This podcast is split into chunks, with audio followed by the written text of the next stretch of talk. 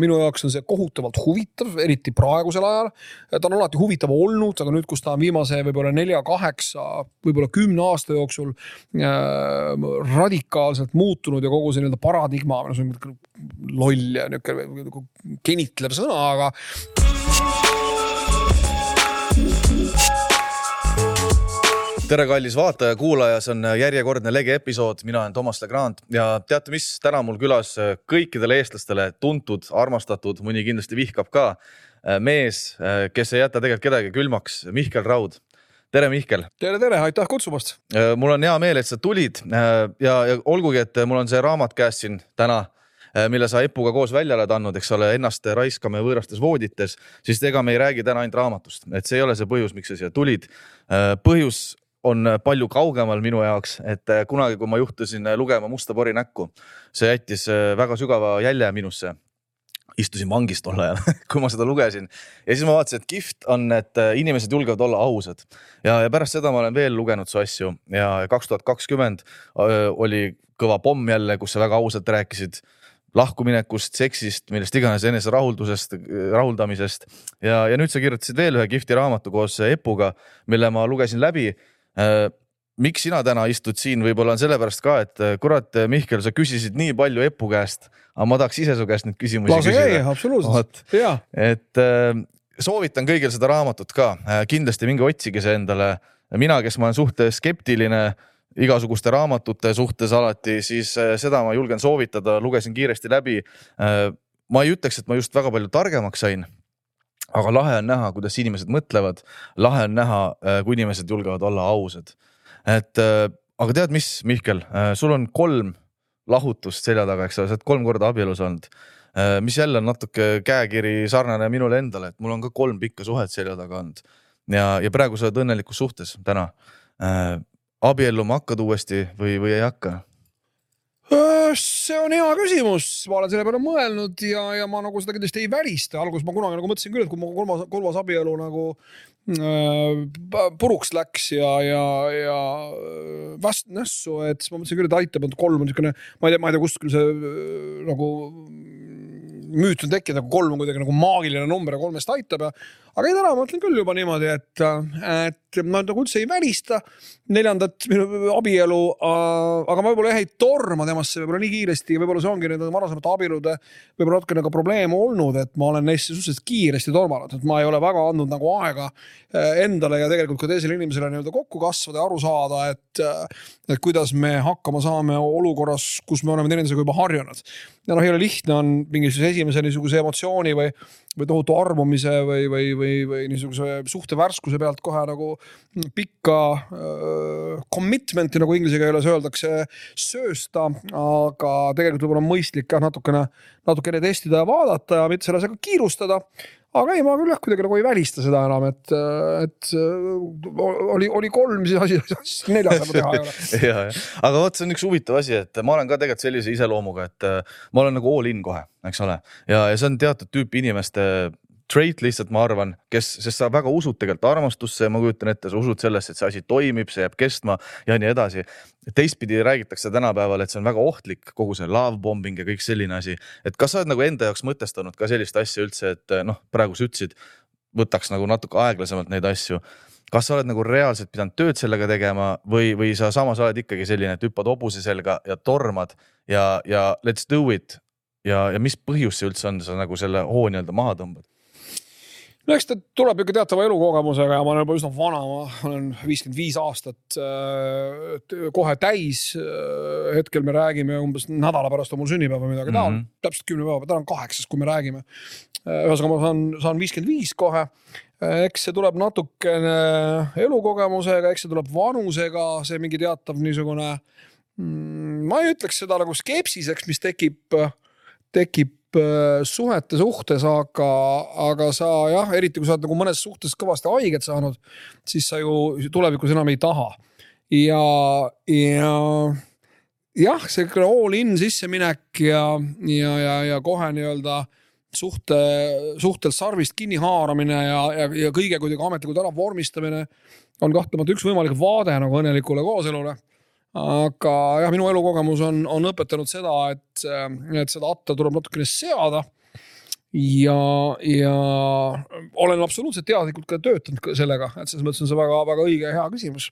et äh, kui sul mingi asi nagu juba kolmandat korda, eks neid suhteid on mul on muidugi rohkem kui, kui kolm, neid abielusid on olnud kolm mm. -hmm. et kui nad kõik nagu järjest järjest nagu purunevad ja hävivad, et ju siis, äh, ju siis on tegemist mingisuguse mustriga ja ja sellest mustrist arusaamisega, selle mustri muutmisega ma olen ikkagi jõudumööda ka üritanud tegeleda viimastel aastatel. vaat see on üks asi jälle, et äh, tihti inimesed ei taha endale tunnistada, et nemad mängivad ka mingit rolli selle juures alati on keegi teine süüdi, eks ole, et äh, võib-olla ongi see, et sa oled vanemaks saanud, targemaks saanud, äh, võib-olla aitab teraapia või mis iganes iseendasse vaatamine. aga, aga kui palju sa nagu täna endale ikkagi teadvustad, et sul endal oli hästi suur roll seal mängida, sest noh, üks asi, mis ma tähele panin, jälle oli üks sarnane asi, mulle meeldib su ausus, Mihkel, sest sa oled ütelnud näiteks, et sa oled kehva isa, eks ole. Tore on lapsi teha, ma olen ise sama asja ütelnud, ma olen kehva isa. Äh, kas sa oled ka kehva mees ise tegelikult siis olnud või? nii ei ja jaa, selles mõttes, et äh, võib-olla minu probleem on olnud suuresti senistes suhetes see, et ma olen noh, kuidas ütlema, ma, ma kujutan ise oma peas ette milline võiks olla see suhe, kus minu kaaslane, minu naine on õnnelik. temaga sel teemal nagu nõu pidamata, eks ma mõtlen välja selle mingi niisuguse, niisuguse õnneliku olukorra ja, ja, ja siis ma üritan oma kaaslast sellesse õnnelikku olukorda hakata nagu toppima ja suruma. et noh, sulle meeldib kindlasti reisida, sulle meeldib seda teha ja kolmandat ja, ja võib-olla sulle üldse ei meeldi tööd teha ja las ma teen kõik sinu eest ära ja edasi. sellises olukorras, kus sa hakkad teist oma peas konstrueeritud kuidagi õnne valemisse või mudelisse jõuga toppima, temaga sel teemal mõtteid vahetamata lihtsalt tekib see asi, et sa oled ühel hetkel avastad, et, et ei ole, ei ole oma suhtes enam teineteise kõrval, vaid üks on teise, teise kohal. ja see ei meeldi mitte kellelegi. ja, ja noh, tänaseks ma olen ikkagi jõudnud väga sellele veendumusele, et, et siukene hästi toimiv mm, suhe saab olla ainult selline kus inimesed on nagu hästi võrdsed teineteise mm. kõrval.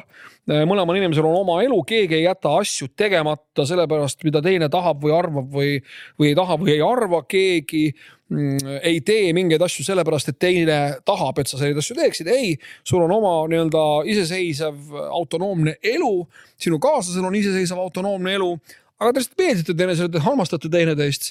Äh, te olete, olete koos, äh, käite oma autonoomset, oma iseseisvat rada äh, paralleelselt aeg-ajalt võib-olla lähevad need teed ja ma ei mõtle mitte suhte mõttes, aga mingite muude eluliste küsimuste mõttes korraks lahku, tulevad jälle tagasi. aga, aga hästi ohtlik on jah see, kui sa, kui sa paned teise inimese endast sõltuma mm. ja, ja teine inimene peab saama teha vabalt kõiki neid otsuseid oma elus, nii professionaalseid kui eraelulisi. ilma selleta, et ta peaks muretsema, mida minu kaaslane sellest kõigest mhm. arvab mm. vot see on üks asi, mis tihti juhtub, et äh, ühtepidi võid panna oma kaaslase sõltuma endast, teistpidi on see ka, näiteks mina tegin väga tihti seda, et ma tõstsin oma kaaslase pjedestaalile kogu mu elu hakkas keerlema selle ümber, et temal oleks hea, eks ole. ja, ja väga suuresti see tekkis sellest, et ma näiteks kartsin tegelikult oma kaaslasest ilma jääda. Ja, ja, ja tekib see olukord, et kus ma tunnen, et ma annan endast nii palju ja, ja tema võib-olla tunneb sama ja vastu ei saa. On öeldud, et vastandid nii-öelda tõmbuvad, mina täna seda ei usu näiteks, et kuidas sul on, noh, täna sul on elukaaslane, kes on sinust kõvasti noorem, nooremad on nad alati olnud. kas teil pigem on ikkagi nii-öelda, kui sa vaatad seda elu, mis elu te elate, pigem jookseb see nagu väga sarnaselt, teie huvid, muusikamaitse, kõik ikkagi klapib. Ja, ja seal ei ole nagu radikaalseid erinevusi või ikkagi te olete erinevad inimesed ja sa lihtsalt armastad midagi temas ja sellepärast see teil, teil toimib? seda on nii ja naa, et, et, et eks meil on, on, on terve hulk asju, millest me saame erinevalt aru, mida me võib-olla hindame erinevalt. see tuleb ühest küljest võib-olla sellest teatavast vanusevahest, kuigi see mängib üsna väikest rolli. Äh, ka, ka samaealised inimesed võivad äh, erinevatest asjadest erinevat moodi aru saada ja inimeste põhimõtted võivad olla väga erinevad, aga niisugune, niisugused baasväärtused, banaalne väljend. Äh, aga, aga need ikkagi ilmselt peavad nagu olema, olema sarnased, et, et see ei saa olla nii, et, et et, et, et ühe, ühe partneri mingisugused põhilised veendumused ja väärtused erinevad teise omast noh, nii radikaalselt, et, et, et isegi kui ma, ma ei tea, aju keemiliselt armun temasse ja, ja, ja soovin temaga koos olla mingi aeg. noh, see paratamatult äh, aja möödudes ja selle niisuguse aju, ajukeemia nagu lahtudes äh, muutub igal juhul probleemiks, et mingisugused põhimõttelised asjad peavad mm. olema, peavad olema sarnased, et, äh, et, et kooselu puhul see ju nagu ei toimi, et kui üks on couch potato ja teine armastab trenni teha või metsas käia, eks ole, siis tegelikult pikas perspektiivis see suhe ei toimi. jaa. mina arvaksin. aga mingid asjad on ka võimalik kokku leppida äh, ja me ei pea kõike koos kogu aeg tegema, see on üks teine ja. asi, mida, mida, mida tihtilugu paarid äh, teevad ja mis tegelikult ei ole õige, et, et, et me peame käima koos teatris ja võib-olla ühele ei meeldi teatris käia, teisele ei meeldi, me peame seda koos tegema. Äh, ühele meeldib käia kalal, teisele ei meeldi, ühesõnaga kõik ei pea tegelikult kogu aeg koos tegema. et on täiesti okei okay käia üksi teatris, kui sinu kaaslane teatris käia ei taha ja vastupidi. Palju sa kompromissidesse usud üldse suhtes, kas see on väärt asi, kompromissid on head või, või pigem on, ma ise armastan ütelda, et kompromiss on midagi, et mõlemad pooled on õnnetud, sest tegelikult kumbki ei saa enda tahet, tahtmist nii-öelda. jälle, see on ilmselt, ilmselt ealine säärasus, ma arvan, et sinu eas ma olin ka võib-olla selles küsimuses veidi mustvalgem, aga tänapäeval äh, mõtlen ma mõnikord niimoodi, et mul ei ole ju raske anda inimesele järele mingisuguses väikeses triviaalses tähtsusetus küsimuses, kui ma säilitan sellega või, või, või kui minu elus on tänu sellele mingid suured asjad jube hästi. et äh, ma, ma üldiselt, ma isegi, ma ei tea, kas see on kompromiss, ma pigem, ma pigem usun nii-öelda järeleandmisesse või see ei ole isegi nagu järeleandmine, meil ei ole kuidagi niimoodi, et, et ma ei tea kaaslane ütleb, et, et, et vot, vot, vot, vot, vot täna, täna on niimoodi ja ma tean, et sulle niimoodi ei meeldi ja et kas me, kas me saame siin kuidagi, kuidagi nagu keskteel kokku. siis ma ütlen, ei, jumala pärast, teeme nii, nagu sa ütled. Neid asju, mis mulle on nagu põhimõtteliselt vastumeelsed, on jäänud aastatega aina vähemaks ja vähemaks ja vähemaks mm. -hmm. ma jällegi, see on ilmselt ealine pull kolmekümne aastaselt ma oleksin ilmselt hoopis teistmoodi sellele küsimusele vastanud. täna on küll see järk, et, et niikaua kui mul on mingisugused suured põhimõttelised asjad minu elus on väga hästi tänu teisele inimesele.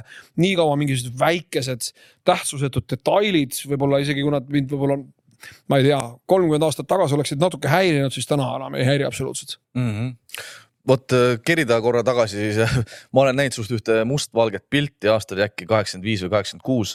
Äh, tundsin ära pildi pealt sinu ja siis Müü, teisi muusikuid ma seal ei teadnud, eks ole. kui sa nüüd kerid aega nii palju tagasi, palju sa nagu muutunud oled ajaga? toome näiteks selle asja näiteks voodielust räägime, see on väga oluline asi, eks ole, suhtes. oled sa muutunud avatumaks? asju proovima või olid sa noorena ikka niimoodi, et veri vemmeldas ja teeme kõike no minu nooruses esiteks äh, noh, informatsioon sellest, mida kõik on nagu elus võimalik teha, seal, sealhulgas seksuaalelus, oli muidugi palju piiratum. et äh, kõik need, need moodsad äh, põnevad asjad, millest tänapäeval absoluutselt igas, igas nii-öelda intiimelu ajakirjas või rubriigis räägitakse. me nagu õieti ei teadnudki nendest mitte midagi ja ja, ja ma olin kindlasti nendes asjades seetõttu ka mõnevõrra konservatiivsem, kui ma olin, äh, olin niisugune kahekümnene või, või minu poolest äh, kaheksateistaastane. et selles mõttes ma tahaksin uskuda küll, et, et, äh, et ma olen ilmselt jah muutunud mõnevõrra, et mitte öelda ikkagi palju, palju liberaalsemaks.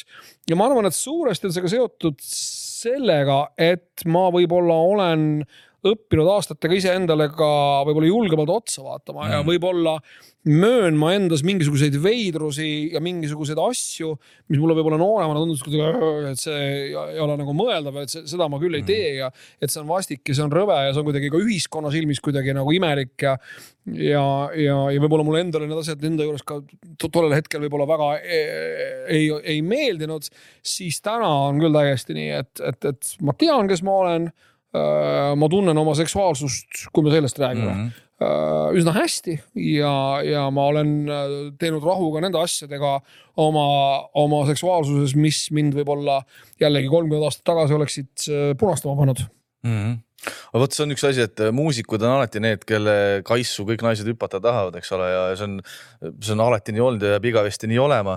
ja, ja ma just mõtlesingi näiteks noh, vaadates selle raamatu pealkirja ka, eks ole, et ennast raiskame võõrastes voodites esimene mõte oli mul sellega, et äh, kas see raamat äh, kihutab meid monogaamiale nii-öelda, eks ole, lihtsalt seda pealkirja vaadates, sest see on väga sügav. tegelikult nii ongi, väga palju tõmmatakse ringi tegelikult ja, ja, ja see on aina lõdvemaks läinud siin meil ühiskonnas, eks ole. et kuidas sa üldse sellesse täna suhtud, et raamatus sa ka kirjutasid, et sul oli see kohtingu äpp mingi aeg, eks ole. mina öö, täielikult olen nende vastane, sellepärast et mul on see mõte, et inimene läheb ainult keppi otsima sealt kui sa leiad sealt armastuse, tore, aga kõik mehed, keda mina tean, on karvaste rindadega seksihullud ja käivad sealt ainult ühte asja otsimas. ja mehed võib-olla tõesti, aga naisi on nendes äppides küll igasuguseid. ja, ja ma ka loomulikult ega, ega, ega nende Tinderite ja, ja Bumble'itega tutvumise eel ka nagu ikka mõtlesin selle peale, et mis asi see on ja mis kuradi internetist nüüd lähed otsima endale elukaaslast ja aga siis ma hakkasin mõtlema, et aga mille poolest see internet siis kuidagi on nagu kehvem koht kui, kui mõni teine koht, kus inimesed kogunevad. Äh, olgu siis, ma ei tea, raamatukogu või kohvik või, või ööklubi näiteks. et, äh, et Tinder ja Bumble'i nagu võlu ja nende ülejäänud kohtingu äppide võlu on see, et, et seal ma ei pea inimese käest üritama kõigepealt nagu välja nuuskida informatsiooni, kas ta on üldse saadaval mm. -hmm. sest kui sa näiteks ööklubis või raamatukogus või mingis kolmandas kohas hakkad preilile nii-öelda külge ajama, siis sinu esimene eesmärk on kindlaks teha, kas ta on üleüldse noh, nii-öelda turul. Äh, ja see on, valmistab alati teatud niisugust äh, võib-olla piinlikkust ja see on paljudel inimestel raske. Aga nende äppidega on see, et vähemalt nad on nii-öelda definitsiooni järgi seal oma konto luues, noh, andnud mõista, et nad on saadaval. nii et see nii-öelda oluline takistus on juba teelt kadunud. ja ja ei, ma arvan, et loomulikult nii nagu igal, igal pool mujal on ka nendes kohtingu äppides igasugust rahvast. aga minu kogemuses on seal ka, on seal ka täiesti tõsiseid ja, ja kenasid, intelligentseid, ilusaid äh, ja häid inimesi. vot see on üks huvitav asi, et äh, ma ise arvaks ka sama, et naised võib-olla tõesti ongi need, kes on seal vallalised. aga väga tihti kuuleme lugusid, kus inimesed, kes on suhetes, meesterahvad, neil on ka Tinderi kontod ja naised saavad teada ja, ja võib-olla käibki seal mingi olmeelu, eks ole, ja õhtul kallistan naist ja siis hommikul kallistan mingit äh, tüdrukut Tinderist. et äh, mehed ikkagi on ju oma loomu poolest tegelikult sellised murdjad, vallutajad, et äh, palju sinus, noh seda on nii-öelda nagu maha, oled sa seda üldse maha lihvinud enda jaoks? kindlasti ja see ei olegi jälle mingi niisugune teadlik maha lihvimine, see on jälle mingi asi, mis tekib ajaga kui sa saad oma vitsad kätte selle ringi jooksmise tõttu ja, ja Tinder ja, ja Bumble muidugi on lisaks sellele, et nad on ka teatav niisugune meelelahutus. ja ei ole välistatud ka see, et äh, abielupaar või, või, või siis paar, kes on, on koos ja lepivad kokku, et neil võivad need mm., need äpid olla Mm, äh, see on lihtsalt ja ma arvan, et eriti meeste jaoks teatav niisugune ja tegelikult ka naiste jaoks teatav niisugune enese valideerimise koht ka. et ma panen pildid üles ja siis ma näen, et ma meeldin teistele inimestele ja mm. keegi on mind like inud ja kui sa endale selle tasulise versiooni võtad, sa veel näed, kes need inimesed on, kes mind on like inud see kõik on kõik on tegelikult üsna nagu exciting, nagu inglise keeles mm. öeldakse. ja ta on, ma arvan, selles mõttes niisugune, niisugune teatav meelelahutuse vorm ka. et sa sealt, no nagu Reit oli kunagi, eks ole, lapsed panid oma pildid üles ja teised lapsed siis nagu like isid neid pilte sealt tekib mingisugune teatav niisugune enesepuust, ega see, ega see täiskasvanuks saades kuidagi teistmoodi ei ole, me kõik ikkagi kangesti tahame teistele inimestele meeldida. ja mul võib olla kõik suhtes korras ja mul ei ole Tinderi ja kont- või ega, ega Bumble'i kontot hetkel. Äh, ja ma loodan, mul ei ole seda kunagi rohkem elus vaja, aga äh, kui partnerid niimoodi kokku lepivad, äh, et, et neil need võivad olla, siis jumala pärast, võib-olla see võtab jälle mingisuguseid muid pingeid ja, ja probleeme maha. Ja, ja ei ole välistatud seegi, et partnerid lepivad kokku, et see on ka täiesti fine käia noh, teistega date imas, niikaua kui sa selle teise suhtes oled, äh, oled aus ja avameelne ja ütled, et ma tegelikult olen suhtes ja me oleme oma kaaslase kokku, kokku leppinud selle, et me käime ja tinderdame ja pambldamegi ja mm., ja aeg-ajalt, aeg-ajalt võib-olla võtamegi hotellitoa ja, ja niikaua kui kõik asjad on kokku lepitud äh, ja see on hämmastav, kui palju asju tegelikult on võimalik paari suhtes kokku leppida. niikaua kui need asjad on kokku lepitud, ma arvan, et see on fine, aga kui need asjad ei ole kokku lepitud, vaat siis on pahasti, sealt need probleemid algavad. vot see ongi see, et äh, väga tihti küsitakse, kust maalt algab petmine ja petmine ongi see, et kui me ei ole mingeid asju, kui me murrame oma kokkuleppeid, aga enamus inimesi isegi ei tee kokkuleppeid, eks ole. hakatakse elama mingis mullis ja siis tekibki, ma ei tea, eeldad teisest sama, kuidas sa ise käituksid, mis iganes, eks ole. täpselt see, nii. see on ülioluline, see kokkuleppimine, aga, aga sa mainisid ka seda, see teistele meeldimine ja, ja see tunnustus ja, ja, ja see on nagu alati oluline. tead, ma ise arvan, et täiskasvanuks saamine, noh üks asi on see, et kui vanaks sa saad, eks ole, aga tegelikult täiskasvanuks saada, sa üha enam peaksid ise hakkama endale meeldima ja sul peaks olema ükskõik, kas sa teistele meeldid. kuidas sul selle asjaga on, et äh, ma tean, et äh, mehena, mina samamoodi meelelahutajana, ma tahan kiitust väga ja mu jaoks on oluline, aga mu jaoks on oluline eelkõige, et mu kaaslane mind kiidaks, et ma talle meeldiksin mm,. see on, see on väga huvitav sest ma arvan, et siin on, selles on teatav, äh, teatav oht. kui sul tekib suhe, suhtes selline olukord, kus sa käsitled oma, oma kaaslast teatava niisuguse yes man'ina või yes woman'ina, kes muudkui kiidab sind ja, ja, ja räägib, kui kihvt ja lahe sa oled. mina vaatan sellele asjale täiesti nagu teistmoodi ja, ja, ja risti vastupidi. et minu pikkade suhete või, või kaaslaste hulgas ei ole olnud ühtegi minu fänni Äh, kes, kellele õudselt meeldiks minu muusika või kellele õudselt meeldiksid minu raamatud või. Nad on, nad on olnud nendega okeid suuremal või vähemal määral. mõnele on võib-olla mõni asi meeldinud rohkem ja teisele on võib-olla mõni asi meeldinud vähem. aga mul ei ole olnud ühtegi fänni. Äh, sest nende fännidega on see häda, et, et kui sa fänniga hakkad date ima ja mina kunagi ei ole date inud ühegi fänniga. aga ma arvan, et see probleem ja see häda on selles, et et, äh, et fänn äh, tüdineb sinust väga kähku ära, kui ta tegelikult saab aru, et sa oled, oled samasugune, samasugune mees nagu, nagu iga teine ja, ja võib-olla lased tahtmatult öösel magades peeru ja, ja, ja mõnikord hommikul on hingeõhk halb ja nii edasi, kogu see glamuur ja kogu see, need põhjused, miks ta sinu fänn on, kuidagi nagu ära kaovad ja nad vältimatult kaovad ühel hetkel, kui sa, kui sa hakkad oma fänniga koos elama. et, et, et siis, et siis tekib teatav niisugune pettumus ja, ja ja tegelikult sul ei ole vaja seda, minule, ma ise arvan, et, et, et, et, et, et sinu kaaslane peaks olema just see, kes sind maa peale tagasi tõmbab. ja mhm. minul see täpselt niimoodi on, et kui ma aeg-ajalt kipun nagu õhku ära tõusma ja, ja ma seda siiamaani aeg-ajalt teen, siis minu kaaslane on see, kes seda ei saa nagu liiga agressiivselt teha. Mitte nüüd selle hinnaga, et kurat, sa ei ole mitte keegi ja, ja ära, ära, ära arva ja nii edasi, mitte niimoodi kuigi mul on ka selliseid suhteid olnud.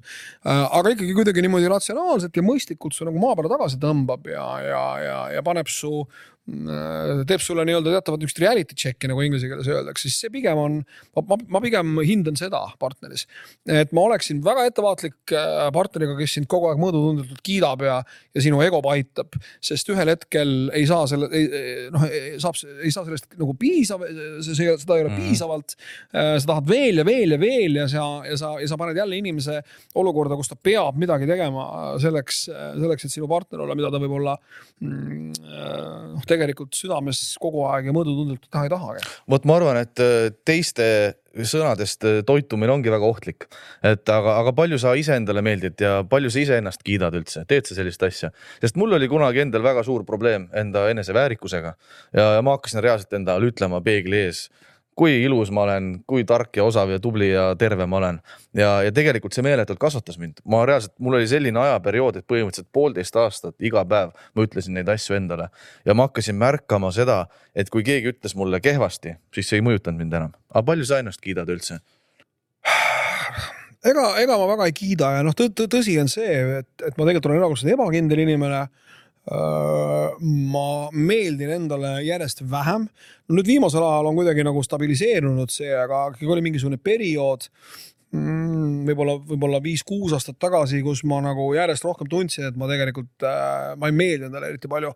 et minu peas on mõtteid äh,, mille üle ma ei ole uhke ja, ja minu sees on mingisuguseid, mingisuguseid tundeid, mida ma ei taha, et nad seal oleksid ja need on siiamaani olemas äh, ma ei kiida ennast vist küll liiga palju.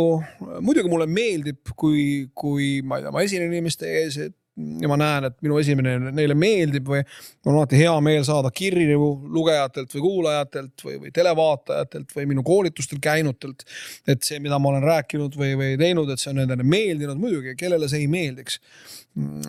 aga, aga kui seda ka nagu ei tule, siis sellest ei saa ennast nagu morjendada lasta, et mm, see on väga hea küsimus aga jah, niisugust, et ma nüüd vaatan endale otsa ja ütlen, et, et, et, et see, teine ja kolmas, seda aga väga ei ole. ma küll tegelen nende asjadega mm,. ma noh, üritan, üritan hoida oma mingit füüsilist äh, vormi nagu kontrolli all ja üks põhjus on kahtlemata see, et, ma tahan nagu esteetiliselt nagu enam-vähem meeldiv välja näha.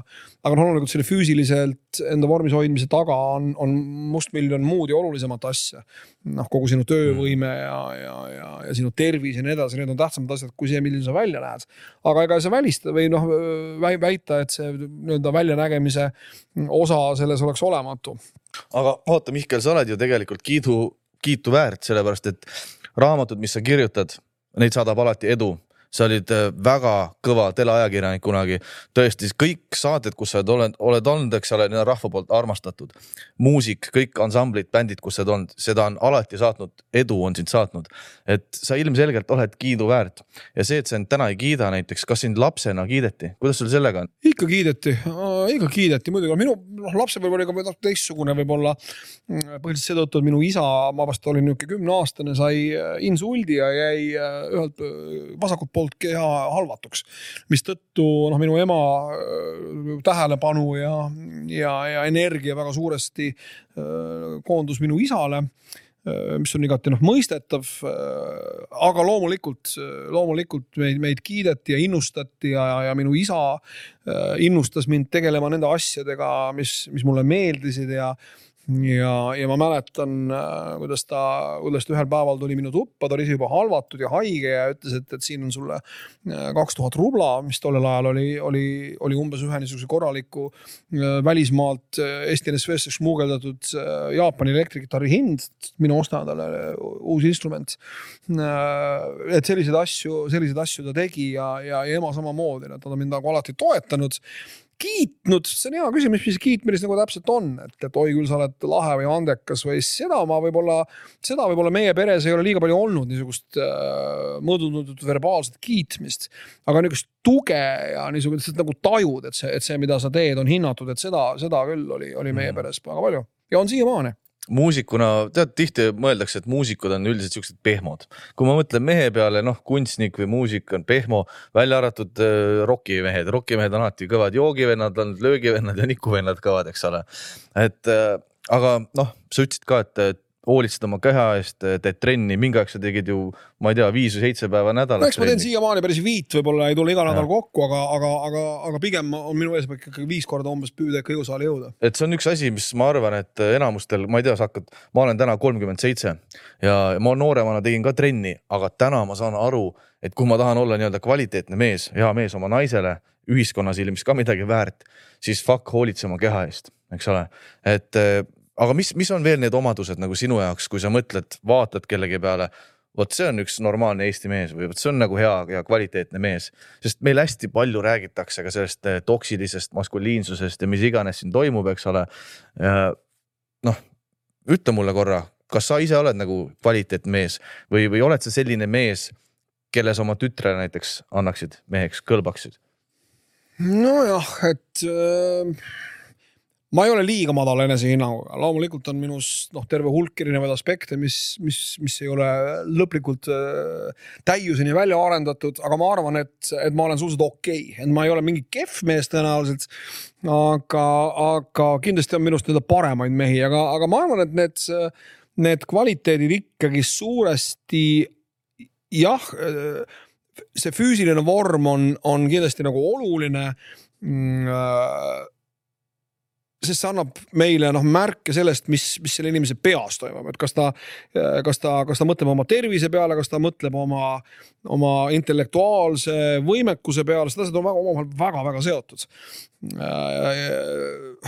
see on õudselt banaalne, see ütlemine, eks ole, terves kehas terve vaim, aga, aga, aga täpselt nii see on ja, ja, ja ma olen ju ka aastaid nagu mõelnud selle peale, inimesed räägivad, noh, trennis sõltuvus tekib ja, ja ma olen mõelnud, mida see tähendab Äh, et kas see on tõesti niimoodi, ma ärkan hommikul üles ja kuidagi tunnen mingit imelikku füüsilist rahutust või ma, ei saa enne, et ma pean saama nüüd, ma ei tea, rinnalt suruda kangiga või midagi taolist. ei, see ei ole see, trenni sõltuvus on see, kui sa ühel hetkel ei tee trenni, minu poolest nädal-kaks ja vot siis sa hakkad väga kiiresti tajuma seda muutust, mis toimub sinu, sinu peas, sinu emotsionaalses elus, kui halvasti mõjub sulle see, kui sa ei ole nii-öelda füüsiliselt toonuses Äh, nüüd need kvaliteedid, mida ma teise inimese või, või, või minu poolest teise nagu mehe puhul nagu hindan, on ikkagi suuresti see, mis sealt, mis suust nii-öelda välja tuleb.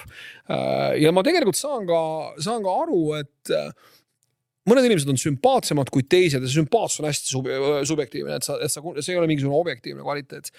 ja mõni inimene on mulle võib-olla sümpaatsem kui teine, aga nii kaua, kui ta räägib mõistlikku juttu ja esitab mulle häid küsimusi.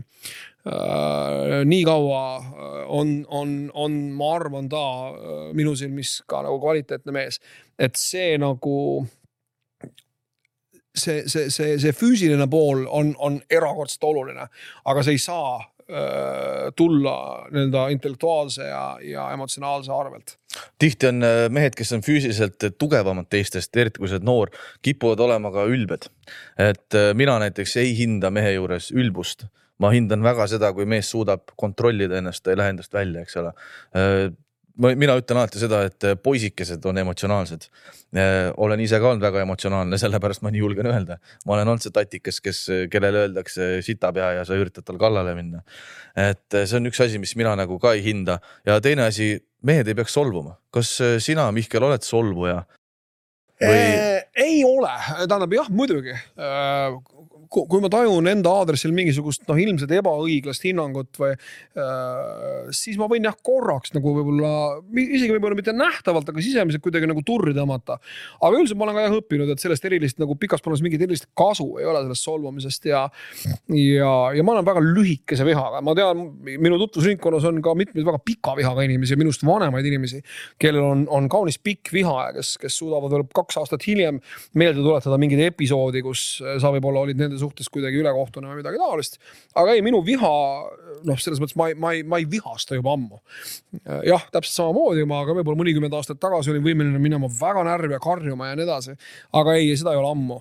ma suudan oma emotsioone kaunis hästi kontrollida väga,. väga-väga harva, kui ma üldse ärritun aga jah, niisugust, niisugust solvuja, isegi kui ma solvun, siis, äh, siis võib-olla kümneks minutiks mm,. Äh, sest ma tean, et see, sellest ei ole mingit kasu mm. -hmm täna sa elad Pärnus otsapidi ja, ja. ja, ja sa oled ka elanud Ameerikas, eks ole, ja, ja pere on sul tegelikult lapsed nii-öelda elavad sul ju siiamaani Ameerikas, eks ole, eksnaisega koos. et tulles tagasi selle juurde, et sa enne ütlesid ka, et sa oled kehv isa enda meelest olnud mm tead, kehv isa, lihtne on öelda, et ma olen kehv isa, ma olen sama asja teinud, et kuule, tõstan käed üles, tunnistan, ma olen kehv isa olnud. üliraske on seda asja parandada.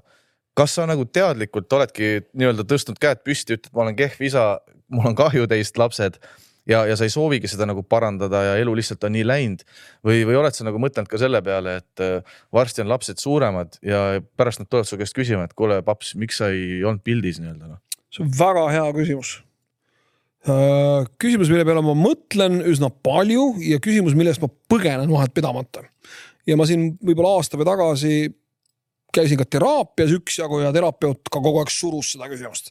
ja mulle õudselt, ma saan aru, kui tähtis küsimus see on äh,. ilmselt minu elus üks olulisemaid küsimusi hetkel äh,. aga ma, aga, aga, aga, aga see on kuidagi nii nagu hoomamatult suur see küsimus minu jaoks, et ma, et ma alati põgenen selle küsimuse eest äh, täpselt nii ongi, jõle lihtne on öelda, ma olen kehv isa ja võib-olla ma peaksin, nagu sa ütlesid, ausalt möönmagi, ongi kõik ja ma ei soovigi midagi parandada. kui sellest möönmisest kuidagi elu minu lastele minul kergemaks läheks, aga ma ei usu, et läheb. ja seetõttu ma olen praegu sellises niisuguses hallis tsoonis, kus ma mõtlen selle peale, et jah, ma saan aru, et ma pean seda parandama, aga on terve hulk ja ongi objektiivseid põhjusi, miks ma seda teha ei saa. noh, väikeste laste puhul väga lihtne, eks ole, nad elavad minust äh, tuhandeid kilomeetreid eemal, elavad hoopis teises ajavööndis. Äh, meil on ühist nii-öelda ärkveloleku aega minimaalselt, seda enam, et nad hommikul ärkavad üles, lähevad kooli, kui nad koolist äh, tulevad, olen mina juba, olen mina juba voodis ja magan suure tõenäosusega. aga, aga see on väga-väga keeruline teema minu jaoks, ma pean ausalt tunnistama, aga see on väga tore, et sa seda, et sa seda niimoodi sõnastasid. Mm, ega, ega ma sulle siit head äh, ja põhjapanevat vastust kohe puusalt ei suuda ilmselt tulistada. aga ütle siis nii, kas seda võib põhjustada see, et sa oled lihtsalt mugav, kui sa endale päriselt otsa vaatad? et, et see ja, ja ka isekas. mina, mina ütlen, et jah, see on minu isekus. mul lapsed elavad näiteks Viljandis, eks ole, ja ja poiss, tüdruk on, käib ratsutamas, poisil on jalguvõistlused. ma ütlen ausalt, ma ei ole ühelegi mängule veel jõudnud, eks ole, sest see on minu mugavus teinekord. ja, ja, ja samas ma võin vabandada ennast välja, et mul on uus elu ja kõik tahavad tähelepanu ja nii edasi, eks ole. aga, aga oled siis tegelikult sa lihtsalt oled mugav nagu selle absoluutselt ja mõtle nüüd selle peale, sa ei viitsi Viljandisse minna või, või ei jõua Viljandisse, ma pean kuskile Chicagosse jõudma.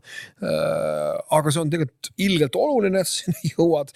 me kõik teame seda, me kõik, kõik mööname seda ja, ja, ja aga, aga jah, selle, selles suunas nagu midagi, midagi nagu ette võtta on keeruline, seda enam, et äh, ja see on jälle võib-olla lihtsalt lihtne vabandus ja, ja, ja mugav niisugune ettekääne aga selleks, et su lapsed elaksid täisväärtuslikku elu, äh, pead sa tegema tööd. Äh, ja see töö tegemine, ega see raha puu otsas ei kasva, eks ole, sa pead, äh, sa pead tegema tööd ja, ja töö hoiab sind kogu aeg rakkes ja sul ei ole nagu aega õieti ja. ja, ja siis sa võid endalt vihaselt küsida, mis te siis tahate, eks ole, kas ma tulen siis töölt ära ja, ja, ja, ja, ja olen siis, olen siis lastega kogu aeg koos ja, ja kes, kes siis arveid maksab ja nii edasi. et see ongi üks niisugune veider ja groteskne Äh, nõiaring, aga samal ajal äh, tegelikult äh, noh, kõige tähtsam, mida sa, mida sa lastele pead pakkuma, on, on tähelepanu sa pead, sa pead nende elus noh, kasvõi mingil määral olemas olema. ja, ja Mm, kui sa oled nagu sellel teel kuidagi nagu libastunud ja, ja, ja sellel teel kuidagi eksinud, siis sinna tagasi saada on jõle keeruline. ma arvan, et mina olen libastunud, ma olen sellelt teelt kõrvale, kõrvale kuidagi kukkunud ja väga raske on sinna tagasi jõuda mm. -hmm. see on kindlasti raske. mis see roll nii-öelda mehena sul üldse siis, ootame, jätame nüüd selle isaks olemise korra kõrvale, eks ole. Nende suhete arvu pealt sa oled kindlasti mingi statistika suutnud täna teha, mina ei tea, kui pikad need suhted sul on, eks ole. aga, aga mis on see mehe roll siis täna sinu jaoks? kuidas sa hoiad seda suhet nagu toimivana, kuidas sa hoiad oma kaaslast õnnelikuna või kas on üldse sinu asi hoida täpselt. oma kaaslast õnnelikuna? ja Vaat... täpselt nii ongi, ei ole, see ei ole minu mm. asi. minu töö ei ole hoida oma kaaslast õnnelikuna. Äh, minu, minu töö on mm, tagada see, et meie Äh, iseseisvad autonoomsed elud, me oleme otsustanud neid koos elada. Äh,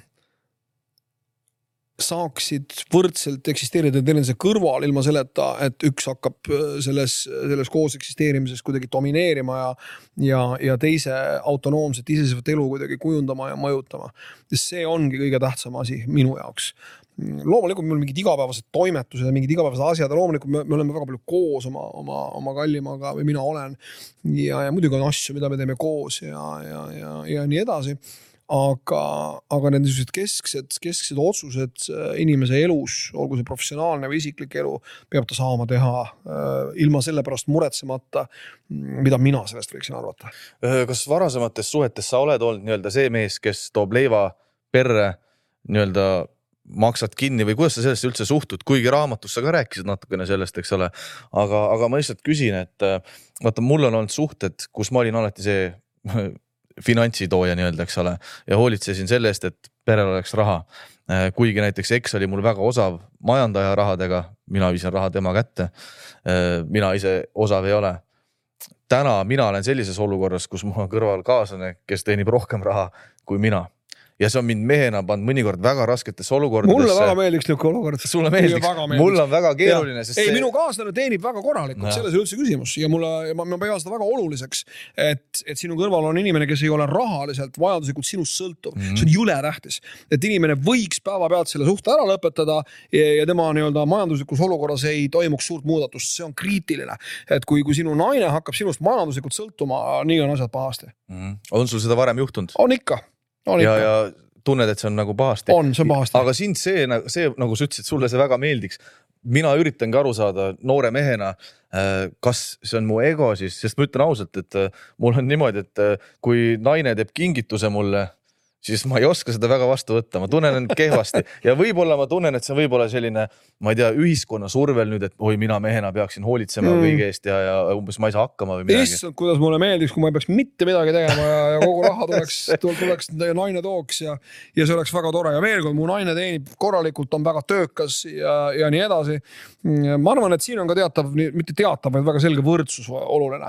ja see ei pea olema niimoodi, et, et, et mõlemad peavad sama palju teenima aga see võiks olla kuidagi, keegi kunagi ütles, et see võiks olla kuidagi niimoodi, et mõlemad nii-öelda panustavad ühisesse elamisse mingi teatava protsendi sellest, mida nad teenivad. ehk siis äh, äh, et see protsent on nagu see, mis selle võrdsuse tekitab. mina panustan, ma ei tea, viiskümmend protsenti ja tema panustab viiskümmend protsenti, ongi kõik juba väga hästi. aga vot see on, see on nüüd lihtsalt raha, eks ole mm., sest äh, ma toon paralleeli nüüd sellega, et äh, meil on näiteks selline suhe, et kus tema ütleb, ära põe selle pärast, mingite asjade pärast. Sina lihtsalt ole mu jaoks olemas ja, ja ma arvangi, et see, täna ma olen aru saanud, et ma ei pea suutma sama palju raha lauda tuua. aga siin on mingid asjad, mida ta must ootab mida ma saan siis panustada, eks ole, ja me ei räägi siin mingi, ma ei tea, nõudepesust, eks ole. kasvõi räägime sellest, et kas oma naise ära suudad rahuldada.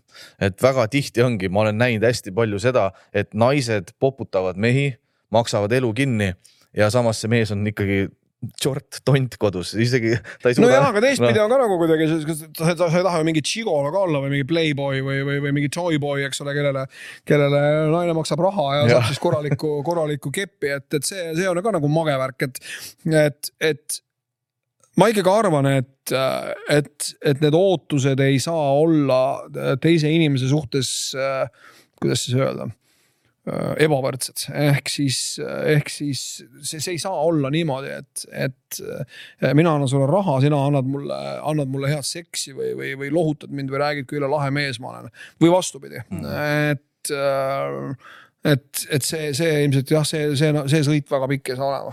kui, kui suurt rolli üldse nagu raha sinu elus täna mängib, et üheksast viieni mees sa vist ei ole tegelikult kunagi olnud? olen ikka olnud, mul on olnud ka töökohti, kus ma olen täitsa käinud niimoodi üheksast viieni kontoris tööl, aga tõsi on see, et ma olen efektiivsem siis, kui ma olen nagu noh, niivõrd nii palju, kui ma saan oma aja peremees ja, ja mul on väga erinevaid projekte, väga erinevaid asju ja. ja, ja minu elus on üsna palju nagu etteaimamatut ja ettearvamatut. sest see nii-öelda valdkond, kus mina, kus mina tegutsen, meelelahutuse äri on, on kohutavalt muutlik.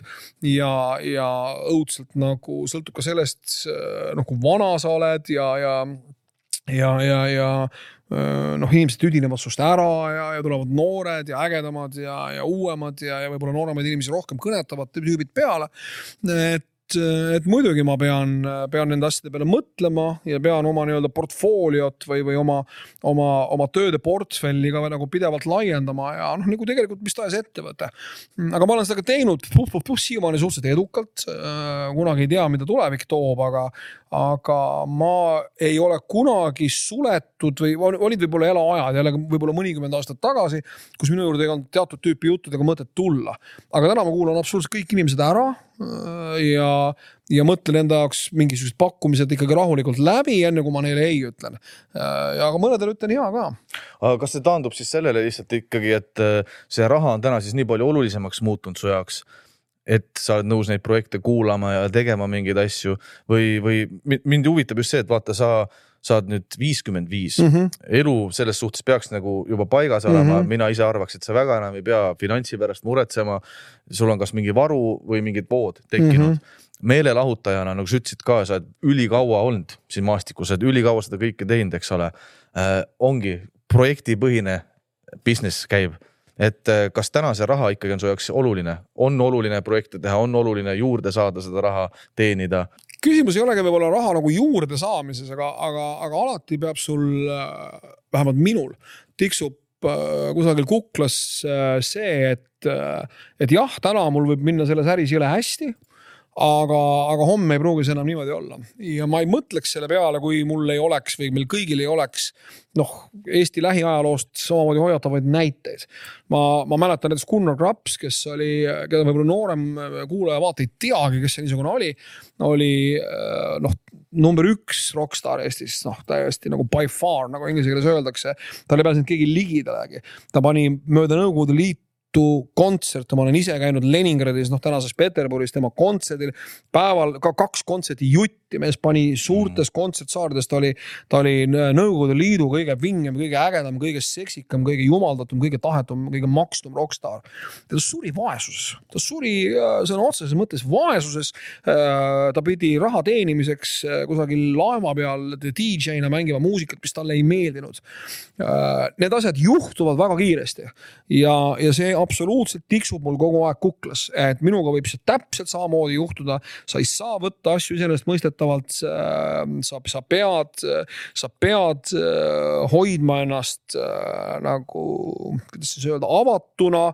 sa pead suutma nagu kohanduda sellega, et, et sinu professionaalses elus need, need tegurid, mis sinu professionaalset elu mõjutavad, need muutuvad tohutu kiirusega, eriti meelelahutuses mm. -hmm täna televiisor, nii-öelda massimeedia järjest vähem mängib rolli tegelikult nii raha teenimise juures, samamoodi selle juures, et silmapaarid on täna Youtube'i, eks ole, naelutatud, Spotify on teema ja, ja kõik see, kõik liigub rohkem nagu internetti, et äh, kunagi sa olid ka natuke aega poliitik meil, eks ole, et kuidas sa täna nagu, palju sa üldse jälgid seda, mis toimub nii-öelda siin päriselus, meil poliitikas ja ühiskonnas üldse? ikka jälgin äh,, suure huviga jälgin, mitte nüüd nii, et ma ei ole nagu, ma olen küll teatav niisugune news junkie või, või uudiste narkomaan. aga ma ei jälgi ainult seda, mis toimub Eesti poliitikas, ma jälgin väga palju äh, seda, mis toimub Ameerika sisepoliitikas. ma olen seal elanud, äh, minu jaoks on see kohutavalt huvitav, eriti praegusel ajal.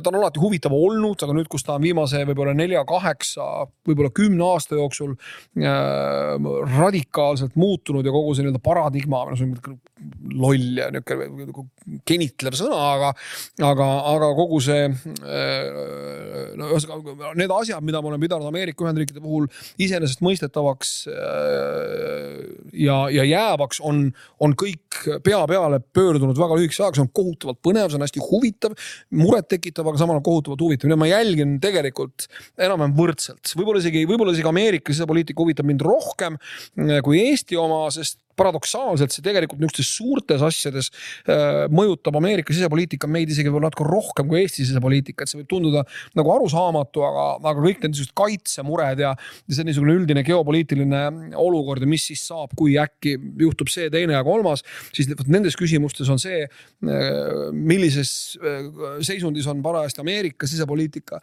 on, on isegi olulisem kui see, mis, mis meil siin sees toimub see on väga huvitav, sellepärast et ma ütlen niimoodi, et mul õde näiteks elab Hawaii'l.